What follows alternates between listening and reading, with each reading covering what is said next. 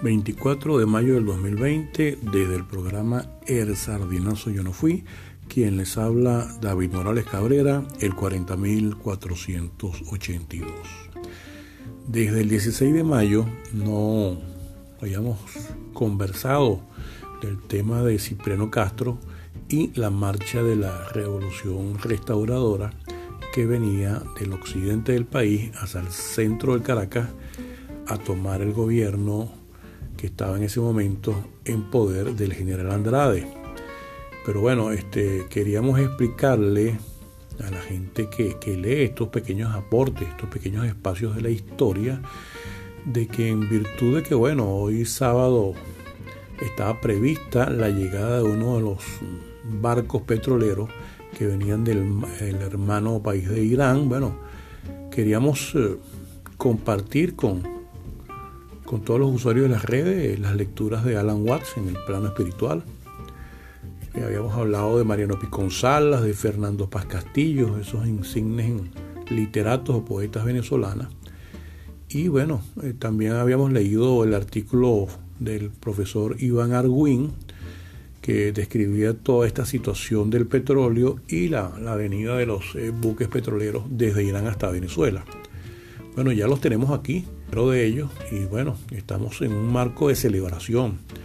Y por lo tanto, bueno, habíamos hablado un poco de la desmitificación a Simón Bolívar de parte del profesor Alexander Torres Iriarte en ese excelente libro que se llama La gramática de la opresión, donde allí este, este profesor, que es el presidente de la Academia Nacional de Historia, había descrito los puntos de vista de Mario Briceño Iragorri sobre Bolívar, de Arturo Oslar Pietri, Salcedo Bastardo, Santiago Cayayala y de Luis Beltrán Prieto Figueroa, en el afán un poco de tratar de comprender la figura del libertador.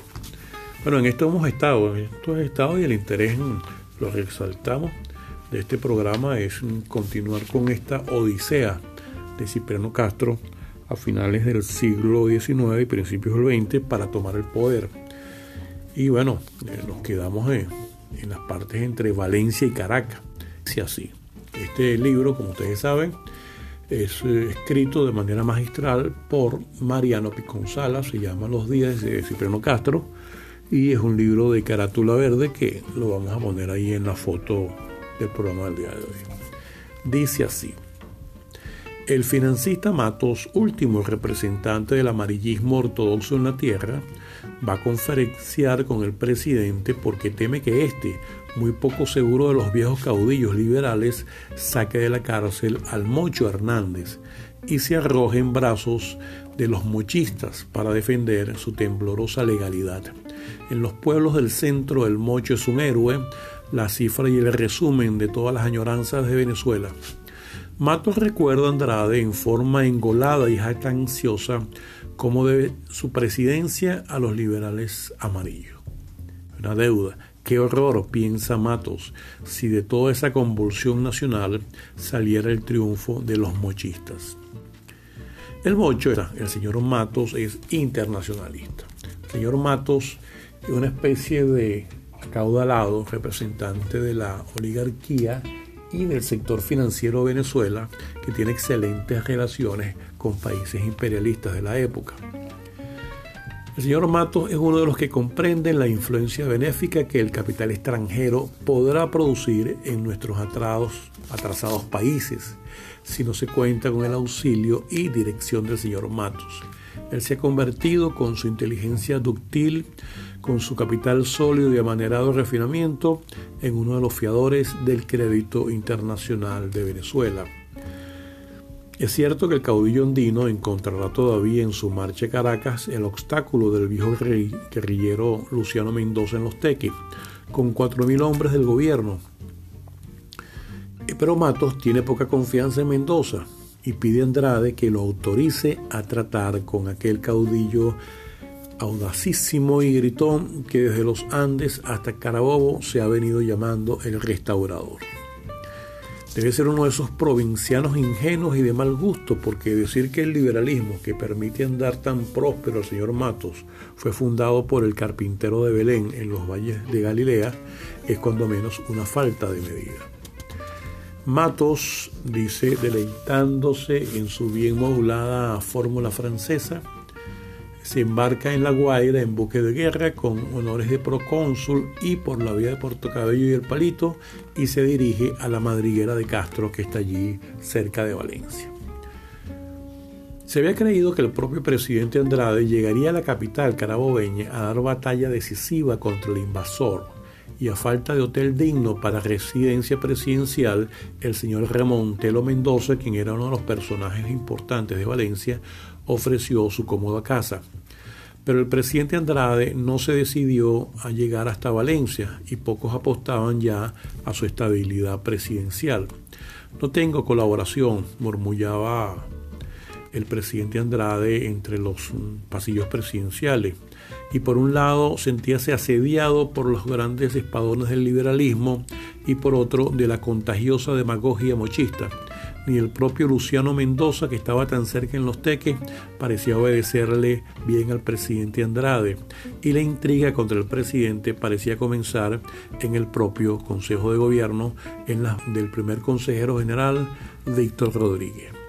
Telo Mendoza piensa cómo aprovechar políticamente su casa arreglada con tanto lucimiento y toma una de las decisiones audaces que resuelven un destino personal en Venezuela la tarde del 16 de septiembre, una carroza se detiene en la modesta morada de Tocuyito, donde estaba Cipriano Castro, cuidando su pierna herida. Bajan con elegante indumentaria y bastones tres señores que dan sus nombres, Remontelo Mendoza, Manuel Corao y Julio Torres Cárdenas. Departen amablemente con el jefe, le presentan los saludos de la ilustre ciudad de Valencia. El señor Telo no permitirá que el héroe de los Andes permanezca con peligro de su salud en tan humilde alojamiento. Y por lo tanto le ofrece su hospitalidad en Valencia. Se pondrá en contacto con los elementos, dice eh, Remontelo Mendoza, eh, que no son solo el el fuego, sino gentes de carne y hueso, nuevos doctores y generales agricultores y capitalistas, personas que traen chismes y ofrecen malos y buenos consejos. Junto a la pierna herida de don Cipriano, vela ya en la casa de Telo Mendoza todo un sanedrín político valenciano. Los valencianos le llevarán al doctor José Rafael Revenga, quien al final logra amortiguarle los dolores no es la revolución liberal restauradora, como Castro lo ha defendido en sus proclamas, la necesaria síntesis del viejo amarillismo con su poquito de machismo moralizador. Quizás por obra de don Cipriano se cumpla aquel último ideal de Bolívar de que se hacen los partidos y se consolide la unión. El hombre ha hecho trasladar a su habitación al compadre Juan Vicente, víctima de unas calenturas cogidas acaso en Tocuyito.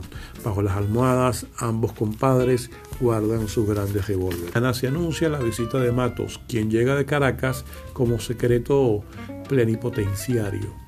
El financista expresa que quiere hablar a solas con el caudillo, pero este señalándole al hombrachón enfermo le dice, es Juan Vicente, es mi compadre y es mi hermano y la proposición del financista es que Andrade y Castro se junten en una conferencia.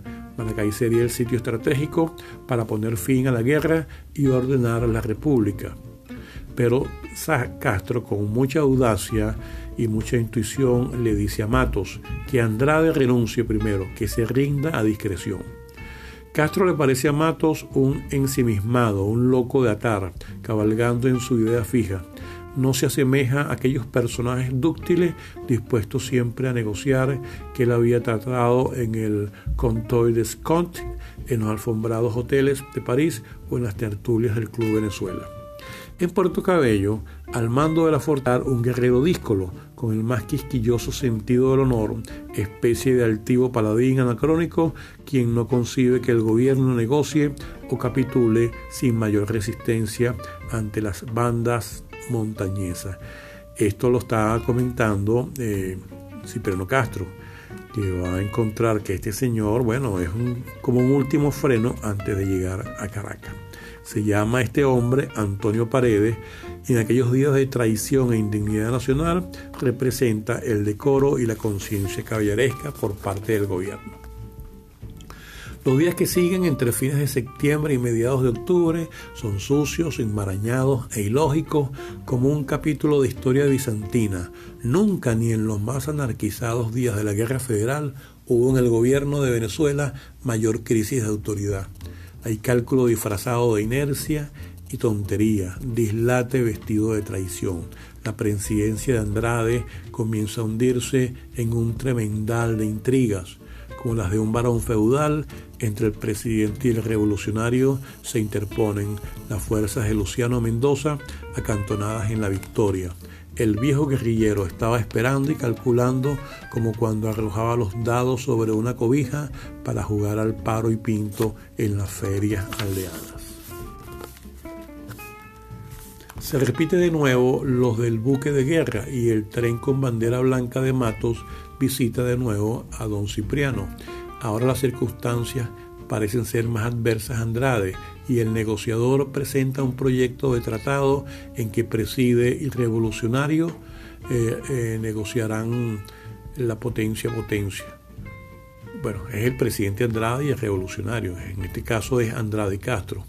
Entre refunfuños de Castro, Matos redactó las bases de la negociación, según la cual se reunirían en la ciudad de Maracay un congreso de plenipotenciarios nombrados de por mitad por el presidente de la República y el jefe de la revolución, Cipriano Castro. Y como el mocho es pieza de primera categoría en el juego político que se está cumpliendo, ya don Cipriano Castro dice que él mismo aspira al honor de abrir las puertas de la cárcel al romántico paladín del nacionalismo. Don Cipriano se estaba convirtiendo en supremo árbitro y mediador de los destinos de Venezuela. Pero muchos cálculos se desbaratan cuando en la mañana del 20 de octubre, nerviosos vecinos congregados en la esquina de Caracas comentan la sorpresiva noticia. Andrade, el general, el presidente, huyó la noche anterior rumbo a La Guaira para tomar un barco que le conduce a las Antillas. El presidente se autodestierra a la Casa Amarilla llegan en ese instante los consejeros del gobierno, presididos por el general Víctor Rodríguez, a estudiar la situación.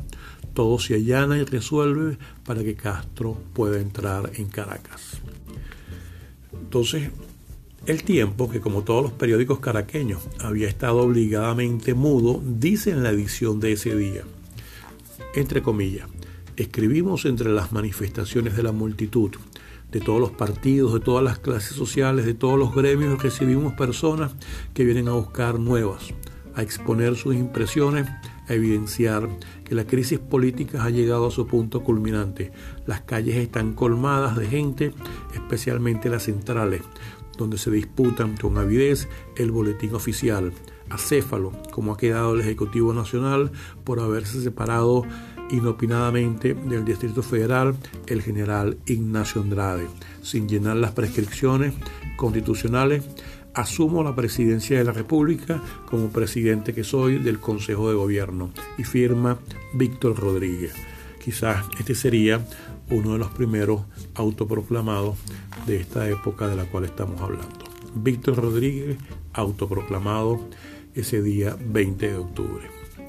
Bajo grandes árboles, samanes y cotoperices, por el más luminoso paisaje de tierra firme, empieza a moverse hacia Caracas el ejército liberal restaurador.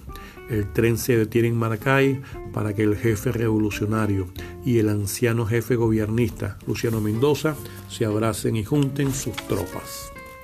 El camino está sembrado de sitios históricos que le avivan y enardecen sus juveniles lecturas de Venezuela heroica y ya en torno suyo algún cortesano insiste en la semejanza que guarda esta campaña con la de Bolívar, con el esplendor de sus vegas y el nudo azul de sus montañas, enhiesta de árboles, envuelta toda en la húmeda verdura del mes de octubre, la tierra venezolana, siempre violada y virgen otra vez a cada primavera, se le ofrece al caudillo Cipriano Castro en trance de posesión a su lado se sentó el compadre Juan Vicente Gómez. y le dice Gómez a Cipriano, ya ve, don Cipriano, cómo todo le salió con bien. Un fragor como de proclama altisonante, fuego y soberbia de poder conquistado, fulgura en los ojos de Cipriano Castro, mientras los de su compadre, más fríos, replegados y calculadores, parecen inventariar las mejores haciendas del valle que dentro de algunos años serán suyas y piensa en los miles de reses que podrían engordarse en los ubérrimos potreros. Pasado el pueblo de Tejerías, el trencito de vía angosta empieza a subir todo un laberinto de túneles y cuestas. Bueno, hasta aquí eh, las anécdotas de Mariano Viconzala respecto a los días de Cipriano Castro antes de su llegada al poder, ante la huida del presidente Ignacio Andrade. Bueno, 24 de mayo, las 12 y 17 de la, de la madrugada, nos preparamos entonces para un nuevo día. Y mientras tanto, de aquí desde el programa El Sardinazo Yo No Fui, le pedimos a la familia venezolana que sigamos preservando la vida ante los ataques del COVID-19. Recuerden, los enemigos siempre acechan desde las sombras. Será hasta una próxima oportunidad.